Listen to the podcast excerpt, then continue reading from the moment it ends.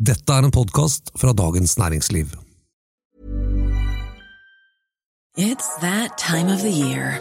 Your vacation is coming up. You can already hear the beach waves, feel the warm breeze, relax, and think about work. You really, really want it all to work out while you're away. Monday.com gives you and the team that peace of mind. When all work is on one platform and everyone's in sync, things just flow wherever you are.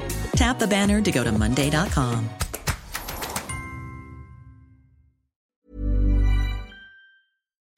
Flere topper i norsk næringsliv fikk en årslønn på over 20 millioner kroner i fjor. Samtidig har næringsminister Jan Christian Vestre satt et tak for lederlønn i statlige selskaper på 2 millioner kroner. Eh, betyr det at ledere i statlige selskaper blir mindre motiverte enn de i private selskaper? Lønn er uansett tema for ukens episode av Finansredaksjonen, en podkast som lages av oss her i Dagens Næringsliv. Jeg heter Anita Hoemsnes og er kommentator. Og jeg heter Terje Erikstad og er finansredaktør. Og jeg heter Tor Kristian Jensen og skriver aksjer.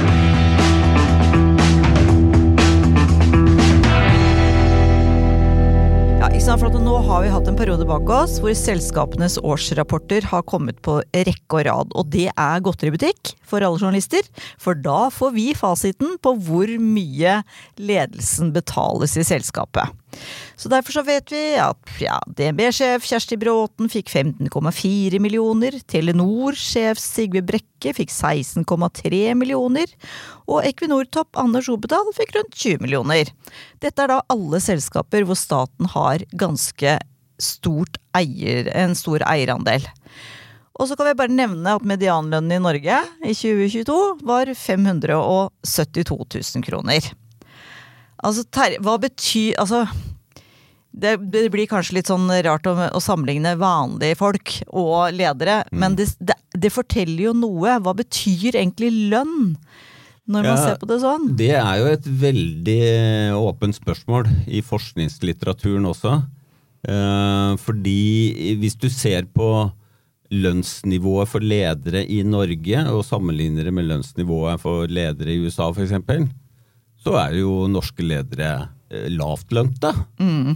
Altså Exxon-sjefen eh, Lønna i 2022 var på 35,9 millioner dollar.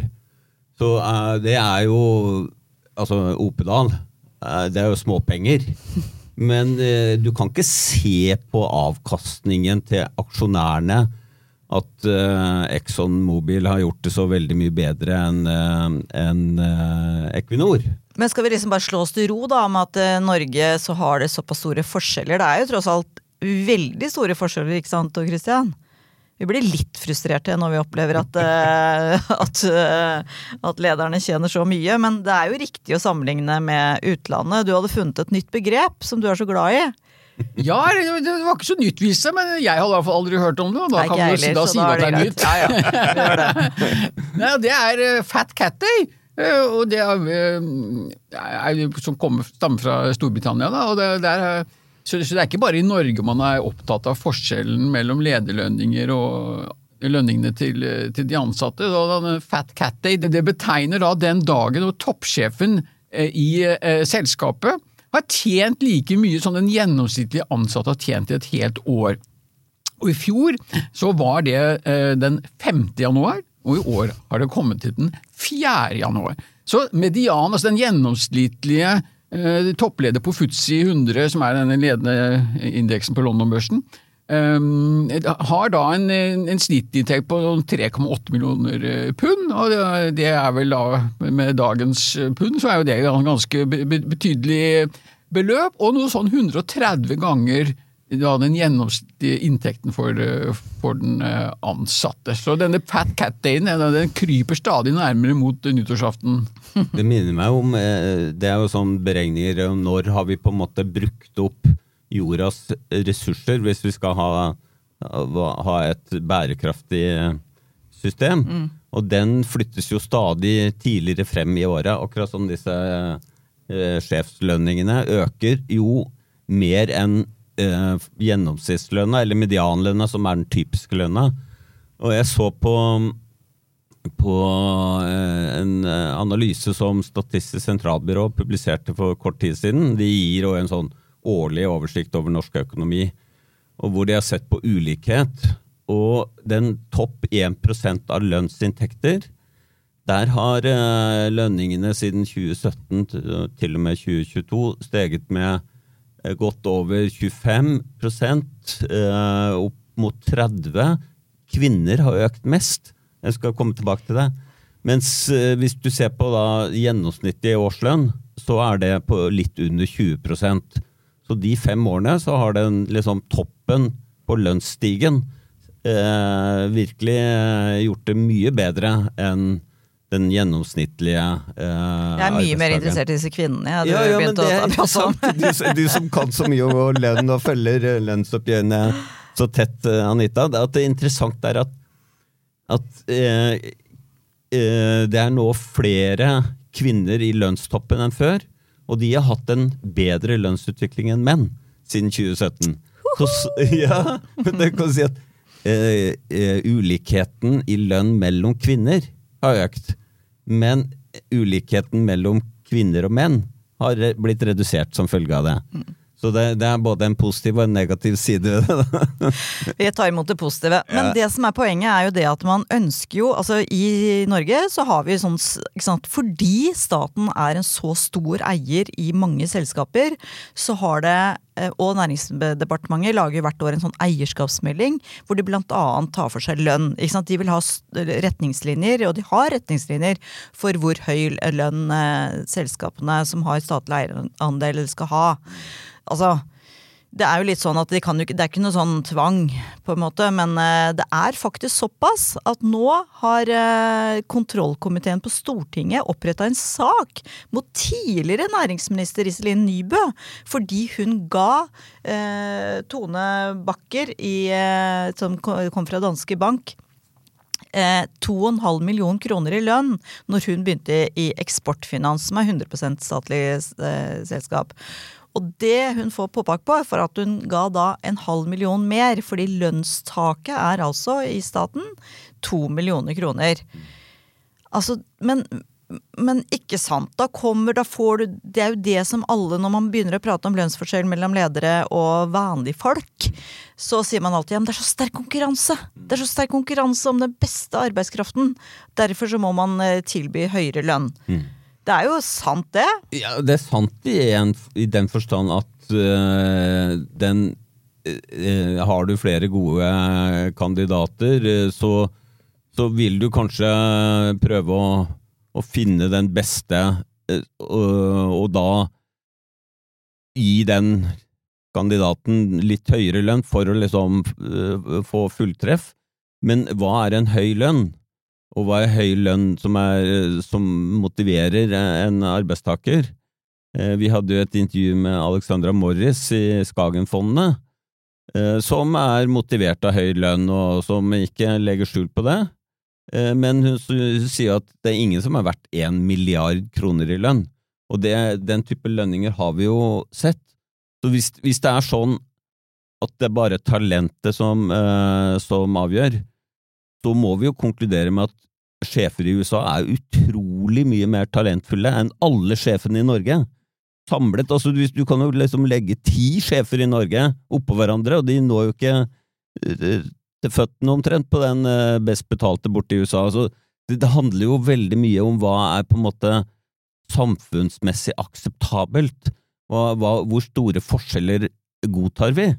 Og, og, og det, er, det, tror jeg ikke det finnes Det er ikke noe økonomisvar på det. Det er et kulturelt og politisk eh, svar, spør du meg. Ja, men Det er jo interessant. Vi kan se på hva, hva tjener statsministeren i Norge. Ja, statsministeren tjener kanskje to millioner, og i hvert fall sånn som jeg, når jeg følger det dagsprogrammet til, til vår statsminister nå, så jobber han I hvert fall like mye, eller kanskje mer, enn for flere av disse sjefene som da kanskje tjener 40 millioner på, på Oslo Børs i dag. Så da må det jo være noe feil med, med, med markedet for statsministre når uh, han bare tjener to millioner, men det er også interessant, og det er jo en klassiker fra, fra Trygve Hegnar, han kommer jo alltid med den, og han svarte vel også på den, det intervjuet som du refererte til fra Alexandra Morris, og ga han jo svar på tiltalen med en gang i en av sine ledere i Finansavisen, og hans klassiske er jo dette med at det er det er markedet som bestemmer. Men da hvis vi ser på at Lederlønningene har økt mer enn lønningene til de ansatte, det kan det ikke være noe tvil om i, i, i Norge. og Uh, og, og, Da må det jo være slik at hva har da skjedd med konkurransen i dette markedet? Er det da etterspørselen av ledere som har gått opp, eller er det tilbudet av ledere som har gått ned? Hva er det som gjør at lederlønningene har steget så mye? Det må ha skjedd noe med, med, markedet, da. Man skulle jo tro at det pøses på med stadig nye ledere. Vi har jo masse flinke folk som studerer på, på skolene, eh, businessskoler og alt mulig for å bli ledere, så tilbudet kan det jo ikke være noe galt med. Det kan være etterspørselen. Da. Har økonomien vokst så kraftig at det er sånn voldsom vekst etter nye ledere? Det, det må jo være det. Ja, veldig interessant, for det er jo sånn, ikke sant, at det har vært ganske gode tider noen år da. Altså, pandemien eh, gjorde jo helt sånn fuckups på økonomien. Så plutselig så var det, ga det veldig gode resultater i en del selskaper. Og så er det jo sånn at liksom, som man ser på lønnsoppgjør også, så skal jo eh, verdiskapningen i et selskap fordeles på en måte mellom kapitaleieren og eh, den ansatte. I en eller annen fordeling. Og for eh, i Norge i lønnsdansen så skal man gjerne ha en liksom noenlunde lik fordeling, da. Og mm. det er jo det også regjeringen gjerne vil, ikke sant. At man skal ha hvis det er 5,2 eh, eh, lønnsvekst som gis i et oppgjør, sånn som det ble i år i privat sektor, så skal også lederen skal ikke lederen ha mer enn 5,2 mm. mm. Men hvis da selskapet har tjent rått med penger, jeg nevner i fleng Equinor, mm. Aker, alle, ja, alle, disse selskapene. Så, så, så, så, står du igjen da med et ganske heftig resultat, og, og, og, det skal jo fordeles på en eller annen måte. Mm. Og da begynner man å bli kreative. Da er det bonuser og opsjoner og, og veldig gode pensjonsordninger. Absolutt. Som sett sammen vil nødvendigvis gjøre mer, eller utgjøre mer enn da 5,2 ja. lønnsvekst. Ja. Eh, det er interessant å se på, fordi eh, i Norge så har vi noe som heter Det tekniske beregningsutvalget, som da bruker, som legger grunnlaget for fakt, altså faktagrunnlaget før eh, lønnsoppgjørene. Og de ser på det som kalles faktorinntekter. Det er en litt sånn eh, penere måte å si arbeid og kapital på. fordi eh, etter at kostnadene er trukket fra, så er det fordeling. Enten går det til lønnsinntekter, eller så går det til kapitaleierne. Og, og denne såkalte hovedkursteorien, som egentlig er den som ligger til grunn da, for mm. lønnsdannelsen i Norge, så over tid så skal de andelene, fordelingen mellom arbeid og kapital, være ganske stabil. Eh, og da blir på en måte lønnsutviklingen et resultat av produktivitetsvekst og lønnsomhet i bransjen. Og så har man på en måte en, en slags jevn, altså ikke jevn, men en stabil fordeling. Og tallene fra Statistisk sentralbyrå viser at det er faktisk tilfellet for hvis man bare ser på Fastlands-Norge. Men inkluderer man olje og gass, så ikke sant, Der var det jo superår i 2022. Uh, og da, da, er det klart at da avviker man. Da får jo kapitaleierne mye mer, men det drypper også litt på de ansatte. Og så, det har vi også sett i finansnæringen, hvor, hvor det har vært uh, Det vet du jo, der, det, der, har lønnsutviklingen vært veldig uh, god. Mm. Men, men kapitalavkastningen har vært enda bedre fordi finansnæringen har gått veldig godt i Norge. Så det du sier er at eh, lønnen tas ikke fra investorene f.eks.? Altså jeg vet ikke på børsen om, eh, om sånne lønnsutslag eh, også gir utslag i aksjekursene? Det, har ikke jeg, det, det, det har ikke jeg noe innsikt i, men, men det jeg vet er at to av de best betalte sjefene på, på Oslo Børsselskaper, det er jo Røkke-selskaper. Så det er da sjefen for, for, Aker, og så er det sjefen for Aker BP. Og Aker, Aker er jo da dette investeringsselskapet til Kjell Inge Røkke, hvor, han, hvor Røkke eier 67,5 eller noe sånt. Eh, og så er det jo Aker BP.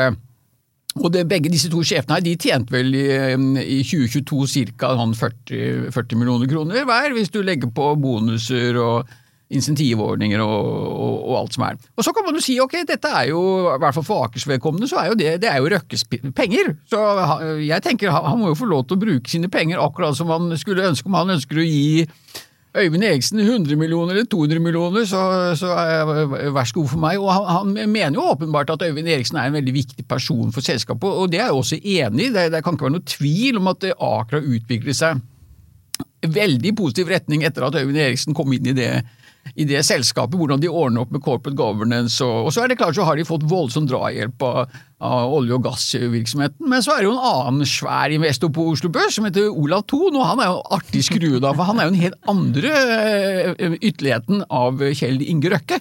For Olav Thon, jeg fant et gammelt intervju fra, fra 2012 eller 2014, eller for. Han var veldig bekymret for de høye lederlønningene den gangen, og nå må han jo sitte og vri seg i smerte. Han eh, mente vel at topp lønning måtte være på rundt sånn to, to millioner eller noe, og, og hvis lederne fikk for mye lønn, så kom det bare til å distrahere dem, for da fikk de for mye kapital som de måtte sitte og forvalte på egen hånd, og det ble bare rot i forbindelse med De skal jo gjøre, skjøtte sin egen jobb! Og da var det også Jan Petter Sissener, han som er jo privat, eller driver jo investor og driver jo et, et slik aksjefondselskap. Han hadde han svarte på det. Nei, han, han, trodde ikke det at sjefene lot seg distrahere av det, da, at de kunne gå og få noen millioner på bok uten det. Men det er, det er jo interessant. Da har du virkelig to veldig ytterligheter på Oslo Børs. Ja. Ja, det, det, du snakker om der, Tor, er jo en veldig sånn interessant del av denne forskningslitteraturen rundt lønninger dette agent-prinsipal-problematikken. Eh, eh, altså her I dette tilfellet som, eh, så er prinsipalene er Kjell Inge Røkke og Olav Thon, som er de store eierne. Og så er det spørsmål hvordan kan de få sjefen i sitt selskap til å jobbe i tråd med eierens insentiver. Og der tror de åpenbart på litt forskjellige teorier, da. Men, men det er klart at Eh, selv, om, selv, om, det ikke er Kjell Inge Røkkes penger alt. Altså jo, han, er ho, han, er hovedeier. Og i Aker BP så er han jo enda mindre eier. Jeg føler at han bestemmer alt uansett. Ja. ja da, men, men, det er ikke bare hans penger. Men jeg tror kanskje ikke de andre aksjonærene er misfornøyd med at han lønner de toppsjefene, Karl Jonny Hersvik i, i Aker BP og Eivind Eriksen i Aker, godt. Fordi de åpenbart har gjort en god jobb. Og da, det, liksom, det er jo det som er veldig utfordringen med eh, lederlønninger. Når, når, kan man vite at sjefen gjør en god jobb, eh, og blir ekstra motivert for, fordi sjefen får mer penger? Eller er det bare litt sånn flaks? Mm. Eh, eller, eller, er det enda verre? Deg, liksom. Ja, eller enda verre, tar sjefen kortsiktige, risikable investeringer for å maksimere sin egen lønn? Og der har vi et veldig ferskt eksempel. Eh, Silicon Valley Bank, som vi har eh, vært innom eh, flere ganger, som jo gikk konkurs og hadde vokst nå utrolig, og lønningene hadde steget. Der konkluderer jo den amerikanske sentralbanken i en ny rapport som kom på fredag, at lønnsinsentivene var bare liksom Det var bare vekst og kortsiktig lønnsomhet som de fikk betalt for.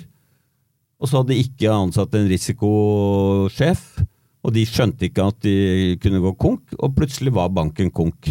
Så da har du et lønnsinsentivsystem som fungerer egentlig mot aksjonærenes interesser.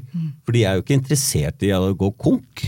Ja, og så tilbake til han godeste Olav Thone. for En annen ting han påpekte, var jo at eh, Eh, nei, Han var bekymret for at han ville jo klart å bruke opp en brøkdel av det som var månedslønnen til disse toppsjefene, så det, dette forsto ikke at det, at det, kunne være nødvendig. Og så er det jo en annen det er en annen forskjell da, mellom Olav Thons selskaper og Røkkes selskaper. Olav Thon han, eh, Thon-gruppen har jo mange hoteller, og hotellansatte eh, er vel noen av må være fair å si, er relativt lavt lønnet i, i, i Norge. Og, og da kan, kan, jeg også forstå det at det må det vil jo da bli litt sånn skrikende, denne motsetningen hvis toppsjefen skal sitte og tjene 40 millioner, eh, og en renholder eller en servitør på et hotell da tjener vesentlig mindre, mens eksempel da i Aker eller Aker BP kan en oljereservoar oljereservoaringeniør ikke sant? Mm. vil jo ha, ha betydelig høyere lønninger enn en servitør. så så Det kan også ha noe med, med, den saken å gjøre, men jeg er jo helt overbevist om at Olav Thons argumenter det, det skyldes jo sikkert for at han mener at det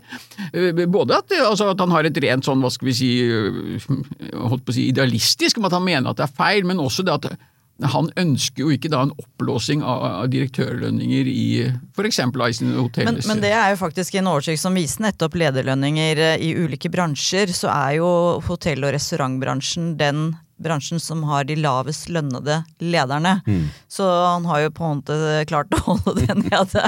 Men det er jo også selvfølgelig eh, fordi der er det, det er en veldig lavmarginbransje. Ja. Så det er liksom Hvor mye kan du gi? Ja, og så eh, handler det om at det er, som du sier, det er ikke så lett å øke produktiviteten. Eh, for veldig mange av oppgavene er manuelle, og det er ikke så lett å løse dem bedre. Men klart, er, som Tor sier, er du en eh, ekspert på å lese eh, geologiske data, og klarer å finne Johan Sverdrup-feltet, mm.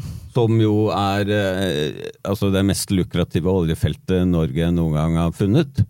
Eller kanskje Troll er kanskje enda bedre, jeg trekker tilbake det. Men, men, eh, men uansett, hvis du har de egenskapene, så er jo din kompetanse usedvanlig verdifull.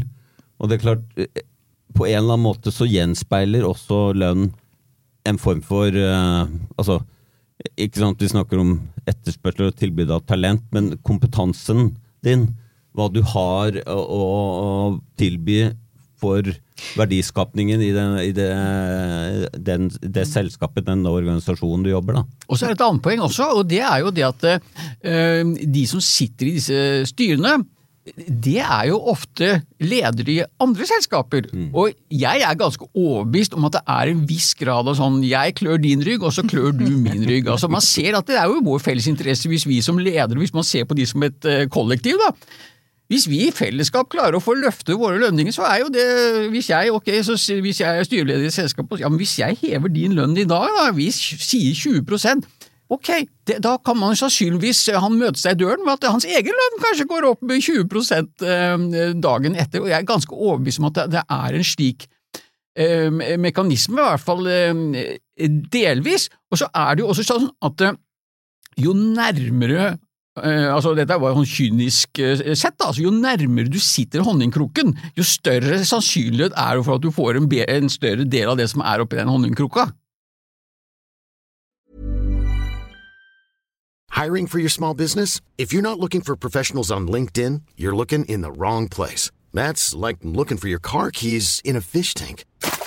LinkedIn helps you hire professionals you can't find anywhere else, even those who aren't actively searching for a new job but might be open to the perfect role. In a given month, over 70% of LinkedIn users don't even visit other leading job sites. So start looking in the right place. With LinkedIn, you can hire professionals like a professional. Post your free job on linkedin.com slash people today.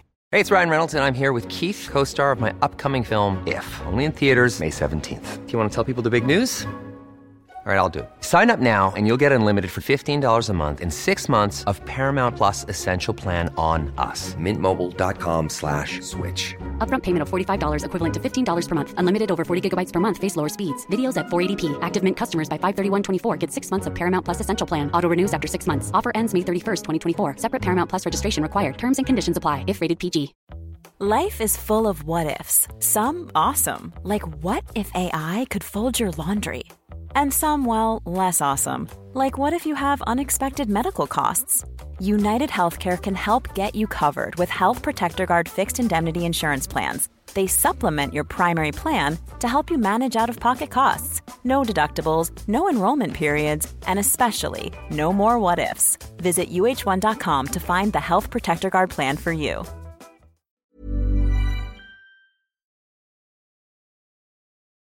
Ja, nettopp. Og det er jo litt sånn som det har vært de siste årene. Både med Equinor, som har opplevd helt historisk høye olje- og gasspriser, og Statkraft eh, og kraftbransjen generelt, som har eh, også bare ikke sant, Penga bare renner inn! Og det blir nesten sånn du ser for deg liksom onkel Skrue i pengebingen, og du bare ja, nesten drukner i penger, ikke sant? Og du må bare måke unna. Og det der kroneksempelet, som jeg sikkert har sagt før, er jo den Equinor. For det første så ga de en bonus bonus, altså ordinær bonus, eller hva man skal si. Og så klinka det til med 10 000 kroner i desember i fjor, da. Fordi at uh, de ansatte hadde gjort en sånn ekstraordinær innsats. Og det tenker jeg nja, det er mange som gjør Og det betviler ikke at det er mange Equinor-ansatte som jobber mye, så det er ikke noe med det å gjøre. Men det er liksom å bruke det argumentet, mm. når man vet hvor mange andre arbeidsgrupper eller yrkesgrupper som virkelig også har jobba ræva av seg for, for, å få den lønna si. Og så bare sier de det, og det er, da tenkte jeg nå renner det over. Vi må bare finne et sted å putte penga. Ja. Jeg husker jeg fikk et råd fra en Equinor-ansatt om at det å, å, jobbe i et selskap hvor lønnskostnadene er lave relativt til kapitalinntektene, ikke er så dumt. Nei, det er et veldig godt poeng. Det er et betyr, veldig godt poeng. Betyr en, liten lønnsøk, en, en, lønnsøkning betyr så lite i det totale bildet, ikke sant? Mm. Så da er det mye lettere, men jobber du et sted hvor, hvor eh, lønnskostnadene er veldig viktige, og kapitalen er mindre viktig, så er det egentlig ikke rom for noe veldig Nei, som hotell og restaurant. Ja, nettopp. Mm. Men jeg har bare lyst til å komme tilbake til det Tor snakket om, hvordan eh, eh at eh, styrene er befolket av ledere som også har interesse av å jekke opp eh, lønnsnivået, det generelle lønnsnivået. Og nå har jo ikke Du har enda en effekt i USA, jeg har vært innom flere ganger, hvor de har et sykt høyt lønnsnivå for ledere. Det er jo at ofte er lederen også styreleder. Han har begge eh, Og det er som regel en han, så derfor sier jeg ja. han har som regel begge eh, funksjonene. Og ja, hvis du er både styreleder og leder, og så skal du ha lønnssamtale da, med styrelederen eh, Du er litt sånn nervøs. Hvordan kommer den styrelederen til å kjøre meg hvor hardt på liksom, Hvor mye har du levert og sånn? Ja, ja, jeg har jo levert, ja. Ok, da. Da får du 10 lønnsøkning. Helt ellevilt. ja, det har de jo de, Det er jo så karikert. De har jo selvfølgelig sånne eh, komiteer som vurderer lønn og sånn, men det er jo en skikkelig uting at mm. styreleder og, og konsernsjef er en og samme person, og det er jo F.eks. oljefondet stemmer jo alltid mot det. Ja, det, det, er jo ikke bra, nei, jo ikke ikke bra insentivstruktur. Både, Eller styringsstruktur nei, i det hele tatt. Men både nå, eh, framover nå, og det har vel allerede begynt, så kommer det til å være generalforsamlinger. Og der skal eh, bl.a. oljefondet mm. delta jo på, altså sikkert ikke fysisk, men uh, i hvert fall digitalt, på mm. en hel haug med, med, ja, Det er mange tusen. Mange tusen generalforsamlinger nå, ikke mm. sant. Og, og, andre Det er liksom tiden for det. Og da, har jo, da skal jo liksom eh, honorarstrukturen eller lønn opp på agendaen. Mm. Og da kommer de til å si hos noen, men veldig få egentlig, så i intervjuet med Alexandra Morris, så hadde de i Skagenfondet stemt uh, nei, holdt jeg på å si, eller sagt imot uh, lønnsstrukturen i 45 av de selskapene. Mm. Og det, er det var også flere tusen. De det er flere tusen, så det er jo bare en mikrobit de mm. sier nei til. Så da er det helt ekstreme tilfeller, antar jeg. Mm. Men det virker litt sånn sandpåstrøersk, da. Jo, men jeg, jeg, altså Én eh, ting er lønnsnivået. Eh, der er det jo store forskjeller også mellom land. Men en annen ting er insentivstrukturen. Og Tor, du har jo, snakket, du har jo skrevet om det nå nylig, om f.eks. opsjoner. Altså at ledere tildeles opsjoner som da kan bli veldig verdifulle hvis aksjekursen stiger. Og da eh, Du hadde jo noe innom Autostore som, som ga opsjoner til folk som hadde sluttet. En som hadde sluttet i selskapet. Da har du jo ikke så stor påvirkning på selskapets resultater, vil jeg si. Nei, Det er jo veldig interessant, og opsjoner eh, generelt er jo ganske omdiskutert i bransjen. Og når vi snakket om Røkke i stad, eh, Røkke bruker ikke opsjoner. Uh, argumentet er at opsjoner bidrar til uh, at lederen tar økt risiko. Altså, Lederen har en oppside sant, ved, ved, sine opsjoner, men det er ikke noen nedside. Det er jo ikke slik at du må betale inn noe penger i den opsjonsavtalen hvis aksjen går ad undas. Så Derfor så er det, det, det blir sånn, det blir, det blir skjevt. Da tar du risiko så får lederen masse penger av sine opsjoner, og går det dårlig, vel, Nei, men det var, det var, det var uh, sørgelig. Og så da det utrerte eksempelet som du snakket om, det med, med Autostore, hvor både konsernsjef og finansdirektør slutter i sine stillinger. Uh, finansdirektøren skal fortsatt sitte til det kommer en ny finansdirektør, uh, men det er slik at opsjoner skal jo opptjenes, altså 5% hvert kvartal. Og der var det slik at disse selv de opsjonene som ikke var opptjent, fikk de. Og der kan jo umulig være, som du påpeker her, kan jo umulig være noe insentiv. For eh, konsernsjefen er jo ikke der lenger! det er jo helt Kanskje det er noe telepatisk og overførsel til den nye at uh... Men det som, det som, er uheldig, da, det er jo det at hvis det er ekstremt stor forskjell mellom lederlønninger og vanlige folks, mm. så skaper det en misnøye. Mm. ikke sant? Og Morris nevner også det til intervjuet, ikke sant? Mm. at det blir sånn Misnøye, det kan være at liksom folk blir mindre motiverte til å gjøre en innsats, at det skaper dårlig omdømme for selskapet. Så det er jo helt, det er veldig uheldig at det blir veldig stort strekk i laget, som vi sier. Men samtidig så, og Det er derfor staten også vil jo, særlig denne regjeringen, da, vil jo ha minst mulig forskjeller. Det vil vi alle. Det gagner jo på en måte samfunnet. Men de prøver å liksom strekke og krympe handlingsrommet, da. Mm. Og det har de nå også gjort hos uh, styrene. Mm. Nå skal det være ganske strenge begrensninger på hvor høye styrehonorarer mm. uh, de skal få, de som uh, skal sitte i styret i statlige selskaper, da. Og da er det greia, ikke sant. At nei, men da får vi ikke tak i noen som har eh, liksom peiling i det hele tatt, fordi at det konkurreres så veldig. Så det kommer igjen og igjen, dette konkurranse... Ja, ja. Men der hadde jo Alexandra Morris et, et, eh, et morsomt poeng. Eh, hun mente at det er masse flinke kvinner som nå kan få sjansen i styrene, som ikke er sånne styreproffer som skal ha masse penger. Mm. og det er klart, det er jo litt av en, eh, en liksom eh, bra greie å ha på CV-en sin hvis du har blitt styremedlem i et av de store selskapene i Norge. Absolutt. Eh, da, da har du gjort et skikkelig karrierehopp. Så jeg tror nok, jeg tror nok det skal være mulig å få fylt de styrene. Ja.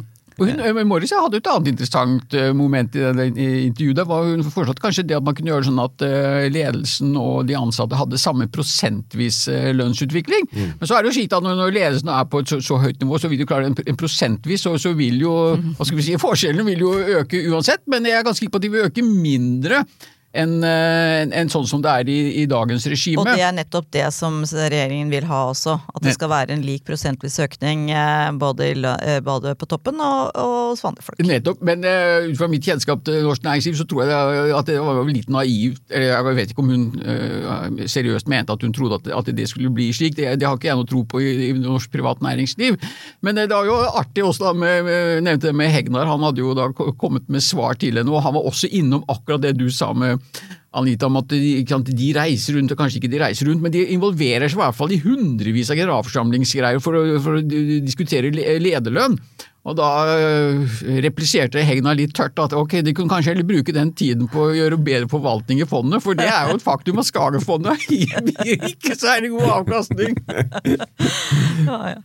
Han er slem, altså. Ja, han er, ikke, å, han er så slem. Men eh, jeg har bare lyst til å nevne et annet poeng når vi snakket om sånn om Røkke og Thon, som er dominerende eiere. Det er jo også det motsatte eksempelet på at uh, selskapet hvor det, uh, de eierne ikke har noen innflytelse, kan bare ledelsen liksom forsyne seg litt. Uh, jeg husker ikke hva det selskapet het, men det var på lønnstoppen. Det var et, et shippingselskap som er drevet av hvor et par nord nordmenn har vært, DHT. vært sjefer. Hvor aksjonærene befinner seg langt pokker i vold. De, de, hadde fete lønninger. Du husker kanskje detaljene der, Tor? Men ja, Jeg husker jeg skrev om det, for det var i forbindelse med når eh, John Fredriksen, eh, selskap Frontline, prøvde jo å ta over det DHT. Ja. Eh, og det ville jo ikke disse to direktørene ha noe av, og det forstår man jo veldig godt. Ikke? For De har helt sinnssyke lønninger! Jeg snakker for titalls 70 millioner, hvis jeg bare husker korrekt her nå. Og akkurat som du sier, ikke, at dette var jo eh, administrasjonsstyrte selskaper, og er det noe som vi misliker på børsen, så er det administrasjonsstyrte selskaper. For det fører alltid til imperiebygging og kjempelønninger! Det må man sky som pesten. DHT Holdings, tror jeg selskapet Ja, nettopp. nettopp. Nei da, men eh, når man vet at misunnelsen er er den beste sterkere enn veldig mye annet, eh, ja, så kan det jo tenkes at det er den derre Og vi, vi i mediene nå, ikke sant, vi skriver jo om dette her. Og den lederen har 20 millioner i lønning, 16,3 og så vi, Det var jo akkurat en periode hvor alle årsrapportene ble lagt fram i løpet av en uke, så jeg følte at det var headline på veldig mange saker som vi hadde på DNNO. Så, så det er jo Det skal jo liksom skapes en sånn derre åh, se hvor mye penger de får! Ja, det er også fascinerende, fordi at eh, i Norge er, Norge er et ganske unikt land i verdenssammenheng. For I Norge er det mulig å finne ut nesten hva hver eneste person i hele landet tjener, hvis du virkelig går inn for det. Altså Ligningslistene kommer jo hvert år. Og dette er jo, I andre land så er dette helt sjokkerende. Hvordan er det liksom mulig? At alles inntekter og formue er offentlig? Men eh, så er spørsmålet vil den type offentliggjøring føre til at lønnsforskjellene blir mindre, og at kanskje lønnsveksten blir lavere? Eller tvert imot, nemlig at oi, tjener han så mye, da skal jaggu jeg ha lønnsøkning òg! Så forskning viser at det er liksom begge deler-effekten. Men jeg tror, jeg tror, kanskje eh, hovedeffekten av at, at eh, ligningstallene har vært offentlige i alle år Ligningen ble vel eh, innført i 1911, tror jeg. Og det, jeg tror at det har hatt den effekten at, at det har vært litt sånn utjevnende, og at det også er en måte å på en måte holde en sånn form for sosial kontroll på, som, som, som, har sine positive sider, nemlig at hvis, du, hvis noen har usedvanlig høye inntekter, så er det kanskje noe litt sånn et eller annet rart, mm. og at du, at du, ikke vil ha, vise fram det. At det er en slags eh, sånn eh, motiverende effekt for og, å Og nå er det jo sånn at nå har det jo også kommet på plass en sånn rapport ikke sant? fra mm. sånn annethvert år. Så mm. må jo alle selskapene rapportere om lønn og lønnsforskjeller. Mm. Annet mellom menn og kvinner. Mm. Så det har jo også vært en mulighet til å, å, titte inn i det. Og som arbeidstaker så har du faktisk uh, rett mm. på å kunne spørre mm. sjefen uh, hva andre tjener. Kanskje altså Det må være mer på gruppenivå enn ellers. Men ja, ja. det er jo lagt opp til at det skal være veldig transparent. Og det er Eh, det, jeg tror i hovedsak at det er veldig bra. Selv om det gnager, selvfølgelig, hvis noen tjener mer enn deg. Ja, men tenk, tenk bare tanken hvis, hvis, det skulle være hemmelig hva Equinor-sjefen tjente, eller hva DNB-sjefen tjente. Det ville jo ikke eh, vært akseptabelt i det hele tatt. Nei, ikke så lenge det er eh, tilbake til den sta store statlige Nei, men jeg tror ikke private aksjonærer heller ville ha godtatt det. Altså, hvis ikke Altså, Private eiere vil heller ikke bare gi bort pengene sine til, eh, til sjefer. Neida. De vil også ha kontroll. Så. Man skulle tro det, bare for å ta en siste sånn uh, sjokking fram uh, over there. Da var det lønnen til uh, alfabetsjef Sundar, Sundar Pichai, altså de som uh, eier Google. Mm. Han fikk da altså 226 millioner dollar for jobben i 2022. Det snakker vi om en eh, kjapp sånn i underkant av 2,4 milliarder kroner for å drive et selskap. Og da er det jo ikke det er jo Grunnlønn da, er for så vidt så trolig på sånn 20 millioner eh, kroner eller sånt nå. Men det er jo etterbetaling fra noen opsjoner og bonuser, og det er uh, you name it. Men 2,4 milliarder kroner på ett år! Ah, det er så mye som er gærent i USA, ass. Det er, uh, må jeg virkelig si. Ellers, Alt er stort ja. over there! ja. Veldig bra. Helt til slutt vil jeg bare korrigere, jeg sa litt feil på Tone Lunde Bakker, mm. som er uh, sjef for Eksportfinans og som hvis lønn nå skal opp eh, i kontrollkomiteen på Stortinget. Det var litt om lønn. Takk for at dere hørte på Finansredaksjonen eh, denne uken også. Vi setter veldig pris på det. Vår produsent er Gunnar Bløndal. Ha det bra!